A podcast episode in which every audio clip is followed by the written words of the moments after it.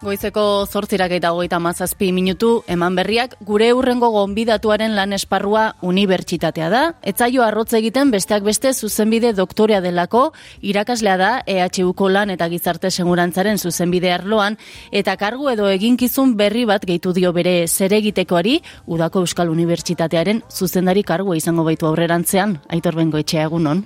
Kaixo, egunon. Bueno, kepa, sarasolaren urteetako eskamer, eskarmentuari hartu diozu lekukoa, kuaderno batean apuntatu dituzu bere gomendioak? bueno, kuadernoan ez, baina, baina buruan baditut, e, besteak beste elkarrekin egin ditugu bidai batzuk, eta aspaldiko laguna dut, Eta ba, egia esan, gehien bat, transmititu didana da, e, bizi izan duen e, giro ona eta, eta, eta gustora utzi du, baina oso gustora egon da. Eman dizu gomendio berezirik edo zure bilbide berrirako? Ba ez, gomendio berezirik ez, e, transmititu didana izan da, ba, ue barruan e, oso giro nadagola, lantalde oso gotxu bat, eta irekita dauden hainbat e, erronken lekukoa pasadit. Ueu, e, familia handi baten e, kasu honetan zuzendari berri izatea gokituko zaizu datozen urteotan, ez da nola nahiko ardura ez? Ba, egia esan, esango nuke ez dela nola nahiko ardura. Badoz nago zurekin, bai. Zergatik ez da nola nahikoa? Azkenean, mm, nola esan, ba, nola baite moralki ardura berezia da e, izatea e, hainbeste jende eta hainbeste ilusio biltzen dituen gune baten e, erakus lehioa, ez da? Nengoan ere esaten nuen zuzendari, bai, e, ondo dakite erakundetan zuzendaria egoten dela, baina nire asmoa da betetzea zuzendari ere dagokiona, baina azkenean da beste, beste ekarpen bat ueuko kide guztiek egiten dute bere ekarpena eta nerea beste bat izango da. Esan nahi dut, ez natorla inor, inundik inora, ba, zuzentzera, eh, zuzendari edo edo ordezkari lana, ez? Eta ardura bai, ze atzean dago proiektu bat oso ilusionagarria, eta jende asko gotxu, eta orduan, bueno, ba, ideia da, ba, ba ekarpen bat egitea. Horrez, bultzatzea, eh? beste guztiek bezala, ba, bultzatzea, nire kasuan, zuzendari lekutik, ez da? Ueu, e, esan dugu etzaizula arrotza egiten, besteak beste urte mordoa dara mazulako, ez da, ure uri, modu batera edo bestera lotuta, no? izan zenuen lehenengo kontaktua? Bai, ba, lehenengo kontaktua aspaldi xamar aurreko mendean, mila behatzerun da, laro gaita maikan zehazki, urbildu nintzen lehenengo aldi zueura zehazki larra honara, han egiten ziren ikastaroak orduan udan, mhm. eta han, ba, nere lehenengo urbilpenean, eman nuen ere lehenengo klasea ere bai, eta bueno, ba, oroimen oso, oso kutxuna daukat e, zentzu horretan, ez da? Eta ni bezala, ba, jende asko egon gera, aspaldi, ue unibilitakoak, eta gero ba arrazoi pertsonal eta profesionalak direla medio ba implikazio maila gora beratsuekin, ezta? Eta nere kasuan ba bueno, ba fase desberdina pasa ditut eta bain egia esan ba gustora erronka berri honetan. em, zer esango zenuke duzula em, zure kargu berritik edo nolabait ere ue uri eskaintzeko?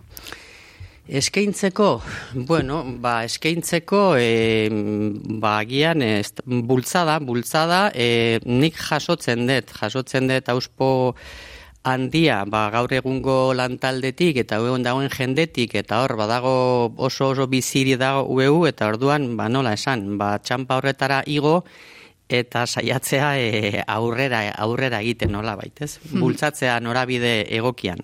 E, esan duzu mila bederatzireun eta laro geita maikan e, zure lehengo kontaktua larra honako garaiaietan e, esan duzu denbora guzti honetan zehar egokitu zaizula ez? Ardura maila ezberdinak izatea ere bai ueuren e, baitan. Baina nola ikusten duzu gaur egun batez ere laro geita maikatik ona izan dako bilakaera horretan? Bai, mm, denoko igun bezala nola aldatu da garaiak no aldatu dira mila zeundalaro eta maikatik, ez da? Ba, ba, zaila da, zaila da irudikatzea, baina, baina garai artean ez zegoen internet, ez da, ere, ez da? Esan nahi, gaur egun ja, arraro egiten ziagula irudikatzea internet gabeko gizarterik, ez da? Eta nola ikusten dut gaur egun, bueno, ba, hainbeste urte pasa ondoren ikusten dut e, oso ondo ari dala gaukitzen garaietara, eta ikusten dut bereziki ba, aurrera begira eta oso egunean, ez? Bueno, ba, bereziki e, online irakaskuntzan, orain ari gera buru belarri lanean, ba, besteak beste online irakaskuntzari eransteko e, gure ikutu pedagogikoa irakaskuntza kalidadezkoa izan dadin, eta oran, ba, hori esango nizuke ez da urte asko pasa dira, e, e, gizarte asko aldatu da, hezkuntza asko aldatu daren oski, eta ikusten dut, e, aurkitu detu egu, hainbeste urte pasa ondoren, ba, oso oso egunean eta aurrera begira esango nuke. Gainera, e, esan dungo dugu, urte betetze festa batetik datorrela, berrogeita marru urteak eh, bete berri ditu ueuk, balio izan du urte hurrenak indar berritzeko? Ba, esagun nuke baietz, eta baitare erantzingo nuke ueuri festa asko gustatu zaiola beti. Hm? ez dago gure estatutuetan festa zaletasuna, baina gure izanean esango nuke benetan baietz, eta larra honan egon direne kondo dakite zertazari nahi zen, eta ia esan berrogeita margarren urte hurrena izan da alde batetik festa, Eta ni guztiet festak egin behar direla, gauzak ospatu behar direla. Mm, alor guztietan esango nuke, egunerokotasunak eta ardurez, ardurek ez gaitzatela jan, ez da?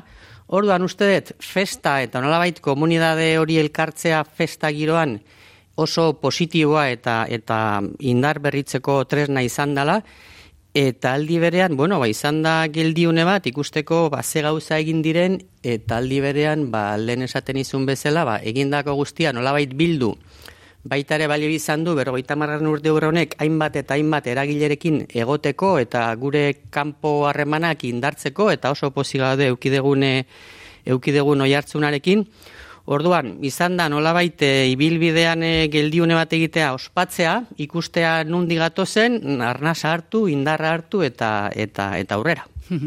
Bere momentuan Euskal Unibertsitatearen beharrak edo eragin zuen, aldarri horren beharrak eragin zuen e, sor, UEUren beraren sorrera, esango zenuke bere sorrera baino ageriko haua dela gaur egun UEUren beharra? Ba, esango nuke agian ez tala hain agerikoa, esango nuke kontrakoa ez tala hain agerikoa, baina bai dela berdin-berdin beharrezkoa. Esan nahi dut, gehien bat aldatu dena da, uego gualdin baditu Bianca, Euskara eta Unibertsitatea, ba noski, berrogeita marre urte ondoren aldatu da nabarmen, zera, Euskerako eh, eskaintza unibertsitatean, ez da? Eh, asko hobetu da, asko hobetu da, batez ere Euskal Autonomia Erkidegoan, UPV EH e, Euskal Herriko Unibertsitataren bitartez, ezta? Orduan, asko hobetu da, eta orduan, bagian, batez ere Euskal Autonomia Erkidegoan ez dirudi ez dain agerikoa galdetzen zenidana, ezta? Baina beharrezkoa ikusten dugu zalantzari gabe eta eta ez da kasualidadea, e, ba, ueuken gaur egun daukane jendea eta proiektua dokan bizitasuna, ditun mila dareun bazkideak, oita bilangileak eta bar, azken finean hasierako helburua bete gabe dago mm, nabarmena da bete gabe dagola lurraldetasun ikuspegitik zeraten badago euskararen e, irakaskuntza uniasean asko hobetu dela hori ukaezina da baina ukaezina da Euskal Autonomia Erkidegoan ze Nafarroan eta ere gehiago Ipar Euskal Herrian ba euskarako eskaintza maila universitarioan ba oso oso modestoa da eta hor hor hor daukagu lan lan handia egiteko eta horrekin batera esango nuke ikuspegia, ezta? Ez da kontua bakarrik lurraldetasuna, geografia, ba ikuspegia, ikuspegi ikuspegi nazionala alegia, ezta? Eta zentzu horretan, ba uste dugu ueuke daukala eskarmentua eta zera nik azimaratuko nukena izango da ueuko sailen artean, sail desbeldinen artean, ba ekonomia eta zuzenbidea eta filosofia eta bar eta bar, dagoen malgutasuna, ezta? Egia esan, ez gara inbeste, gogoan dia daukagu, baina ez gara inbeste, eta nik uste indargunea dela, ba, malgutasuna, malgutasun horrek sailen artean edo jakintzaroan artean dakarren disiplinartekotasuna eta nik uste disiplinartekotasun hori baliatu behar degula e, zera, bain zuzen ere ikerketa lerroetan eta gure lanetan ba, mm, lan batzutan bintzat hartzeko ikuspegi nazionala eta errigintzara bideratutako ikerketa lerroak e, diseinatu eta garatzea. bueno, bera sakonduko dugu e, horretan e, guztian, e, ze aipatzen ari gara, zuk zuzendari kargu hartu duzu, zuzendaritza berritu du euk, eta zuzendaritza horretan, etzara berria izango den bakarra izango, Maria Napal, egunon. Egunon. Bueno, zuere, uren e, zuzendaritzan ikusiko zaitugu aurrerantzean? Bai, ba, ba nik hortazko dut aurreko talde eragileko kalkidea, Nafarroan, Inez Castilla, mm -hmm. e, lurraldenetan. Pozik, kargo berriarekin? Ba bai, posiek alde batetik eta pizkat izutua, ez? E, jasu dudan ardurarekin. e, Nafarroko Unibertsitatean biologia ikasitako azarazu, EH1 doktoretza egindakoa, gaur egun e, Nafarroko Unibertsitate Publikoan lan egiten duzu magisteritza graduetan eta bigarren hezkuntzako masterrean. Noiz izan zenuen zuk lehen kontaktua urekin? Ba, badaramat ja urte batzu, ba, web uko ikaserak egiten, baina bueno, e, pasaden kurtsoan izan genuen harreman batzuk inezkastilearekin, beste ekimen batzuetan, eta gara zen e, berpisten edo indartzen e, harreman hori. eta nola? Eta, bueno, igual ikusi nuen talde ere sartzeko beharra, bera artezkatzeko, eta, bueno, osak berpisteko eta berri indartzeko. eta nola ikusten duzu gaur egun UEU? Ba, aitorrek esan duen bezala, um, oraindik beharrezkoa ze mm, igual eh, Euskal eh, Eotrafia Erkidegoan gozak ezberdinak dira, baina Nafarroan izugarrizko beharreko izten dugu batez ere unibertsitatean eskarak duen presentzia handitzeko. Ze gurean igual magisteritzan eta karrera soltu batzuetan, ba, bueno, elibidenak kasi dira, baina beste karrera batzuetan ikaslek ez dute oraindik aukera eh, ikasketak euskaraz burutzeko. Eta hmm. hori, bueno, gabezi handia dugu.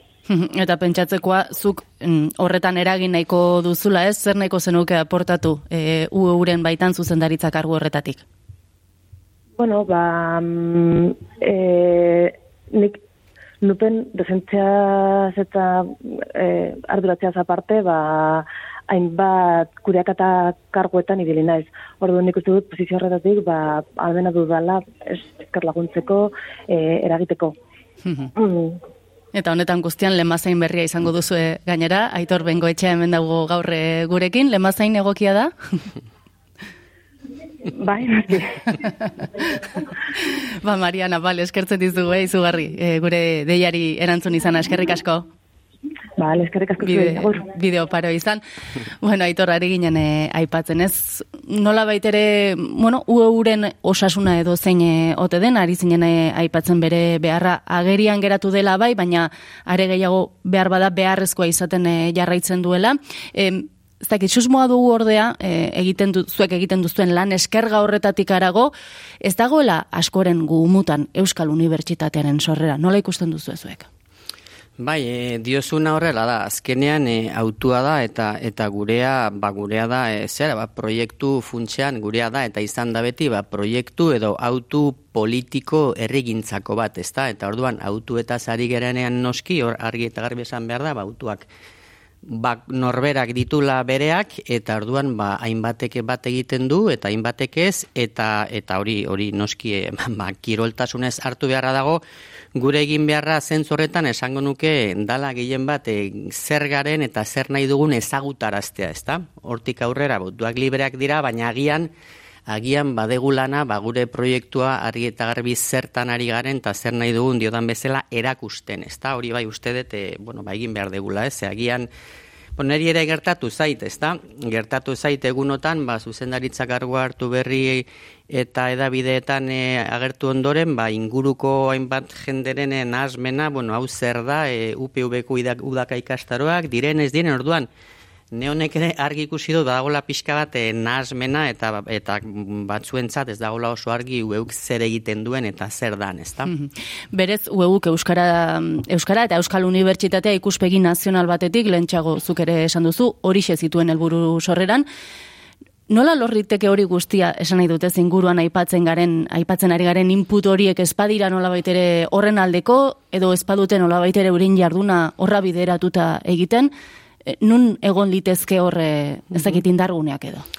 Bai, ba, nik uste dut e, gure erronkoa dela ondo e, eta sakon eta sendo e, zera, e, egitea gure gure aliantzak, ezta? Aliantzak egitea alde batetik Euskal Herrian dauden hainbat eta hainbat unibertsitateetan, ba orain egin du gure gure zera, zuzendaritzako kide berria, e, Mariana Pale, kasu hontan Nafarreko Unibertsitate Publikoan dago, Zan nahi den, Nafarroko Unibertsitate Publikoa, hemen e, Euskal Herriko Unibertsitatea dena publikoa, deustukoa, e, Mondra Unibertsitatea, hainbat eta hainbat unibertsitate daude, eta hoietan baditu bain bat irakasle eta ikerlari ba, gure proiektuarekin bat egiten dutenak eta gure proiektuan implikatu daudenak, ezta? Orduan, alde batetik Euskal Herriko Unibertsitateetan dauden ikerlari eta irakaslei argi erakutsi zein dan guren proiektua eta gonbidatu gurekin bat egitera.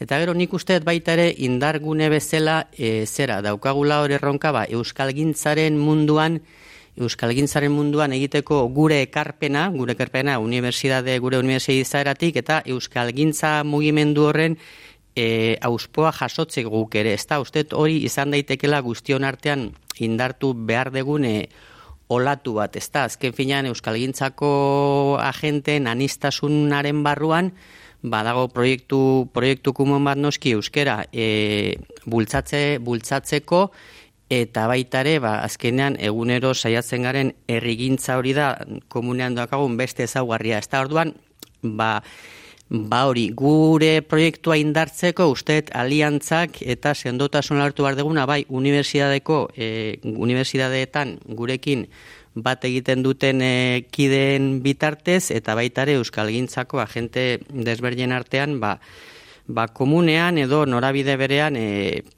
egiten dugun eta egin beharko genukeen lanaren bitartez, ezta? Horrok ere ez banaiz gainera zuen e, iragan berria den e, batzar horretan, jarri dio zuen helburuetako bat izan da UEuren erreferentzialtasuna nola baitere e, zabaltzea ez. E, galdera litzateke gaur egun nola egiten den e, hori nahiko alan ere baditugulako ez. Bueno, ba, ambizioz eta ilusi, ilusioz ondo gabiltza. Aipatzen dezun zentzu horretan, momentu enten mai gainean daukagun erronka bat, Da, begira, guk e, momentu hontan UEU barruan e, zera, daukagu goi deitzen dena goi mailako online institutoa. Hori da guk e, irakaskuntzarako erabiltzen dugun e, gune nagusia. Aldi berean goi delako hau goi mailako online institutoa diodan bezala da EHUren zentroa txikia. Hm? EHUko gobernu kontsailuak onartu zen beraz formalki gera EHUren e, zentroa txiki bat eta horrek ematen digu aukera gure gure ikasketak e, gainditzen dituztenak lortzeko EHUren titulo ofiziala, hau da, guk kudeatzen dugu ikaske, e, ikasketa hori, irakoskuntzari guk kudeatzen dugu, baina gero titulazioa ematen du EHUk diodan bezala zentrua txikia garelako, beraz hori da tresnaren e, izaera, goi honen izaera, eta orduan, erreferentzialtasuna ipatzen zenuenez, ba begira, guk orain mai gainean daukagun egitasmoa da, goi barruan, goi barruan lantzen ari garena da, aurrera begira, edozin jakintza arloan dela ere, irakaskuntza planteatzen denean euskeraz, online eta bizialdi osorako irakaskuntza, edozin jakintza arlo dela ere ezaugarriek ditun irakaskuntza, ba, ikusita zeintzu diran erronkak, besteak beste online irakaskuntza sari garenean, ikusterakoan zeintzu diran erronkak, eta online horretan, esan nahi dut, bereziki erronka pedagogikoak, ze denok bizi izan dugu pandemian, ba zer den online harremana, noski besterik ezean, ba oso ona da, baina online ez da bakarrik e, erronka teknologikoa, noski irak kalitatezko irakaskuntzaren zat, pedagogian landu beharra dago. E, bueno, ba, horretan saiatzen ari gera, orduan, gure asmoa da, esaten nuen bezala, e, mai gainean daukagun erronka da, sortzea goi barruan, ba, deituko deguna, nolabait e, ezagutzaren, transmisiorako laborategia, hau da, nahi dugu sortu etengabeko gune bat, ba, gogoetatzeko eta egunean jartzeko eta aurrera begira jartzeko, esaten nitun ezaguarri horiek dituen irakaskuntzaren zat, online euskeraz eta bizialdi osorako, edozin jakintza arlo dela ere, eta hor hor nahi dugu eragin, hori nahi dugu landu, eta nahi dugu, e, bueno, ba, impronta berezi bat nahi diogu ezarri gure irakaskuntzari, ueuk ematen duen irakaskuntzari, eta aldi berean egitasmoa den laborategi edo etengabeko egune hori, bueno, ba, nahi dugu baitare erabili eskaintzeko zerbitzu bezala Euskal Herrian online eta euskeraz irakaskuntzara dedikatu nahi den beste edozein agente publiko pribatu dena delakoari ba, pensatu dugu baitare baliagarri izan daitekela gure lana beste edozein agenterentzat ba, gure zerbitzua eskaintzeko, ezta? Beraz, e, laborategi horren idea da lan egitea barrura begira eta kanpora begira e, eskaintza hori ematea euskal hezkuntza eragile desberdinei. Hori behar bada arlo akademikoan edo esango dugu, eta argitalpen gintzen nola zaudete, uste dut hau ere ere garrantzitsua dela, ez, zuentzat? Bai, bai, bon, noski, unibertsitate guztientzat e, bezala, ba, argitalpen gintza garrantzitsua da noski, aspaldi aregeragu e, argitaratzen liburuak euskaraz jakintzarro desbernietan, eta horretan, ba, inorre baina goiago argitaratu ditugu, eta liburuetaz gain, bueno, ba, baditu gure hiru aldizkari, ezta? Alde batetik eustaro giza eta gizarte zientzien aldizkaria, osagaiz, osasun arlokoa, eta kondaira historia arlokoa. Hor ere, ba, etengabe, ari gera saiatzen egunean jartzen, eta zera, e, aldizkari hau idagokienez, ba, ari gera bukatzen ja prozesu teknikoa, ba, irua kokatzeko Open Journal System delako horretan, ba, mundu mailako unibertsitatek erabiltzen duten sisteman e, homologatuak egoteko, ezta? Elkarrezketaren abia puntuan aipatu diguzu, e, UEU bizirik dagoen proiektu bat bezala ikusten duzula zuk, behar bada, e, bere beharra ere, bere baitan biltzen dituen e, milalaren inguru bazkidek erakusten dute ez, ba, bez gehiagora, aspira dezake UEUk? Bai, azkenean, e, ba, zenioen bezala biziri gaude eta gu erregintzako proiektu bada eta orduan gu egon gaitezke edo egon gogera indartsuago edo aulago ba, atzetik daukagun errigintza horren auspoaren indarraren arabera, ezta?